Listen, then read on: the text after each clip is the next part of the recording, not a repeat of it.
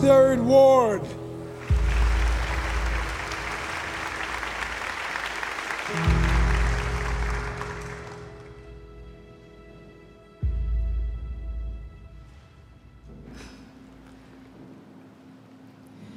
Pretty. We shine the light on whatever's worst. Perfection is a disease of a nation.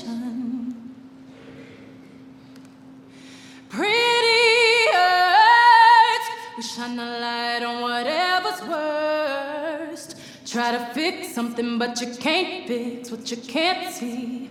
It's the soul that needs a surgery.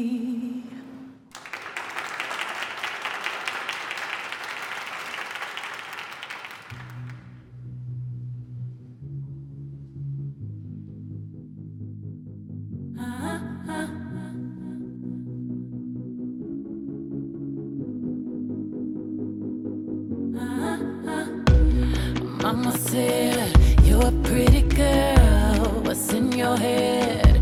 It doesn't matter. Brush your hair, fix your teeth. What you wear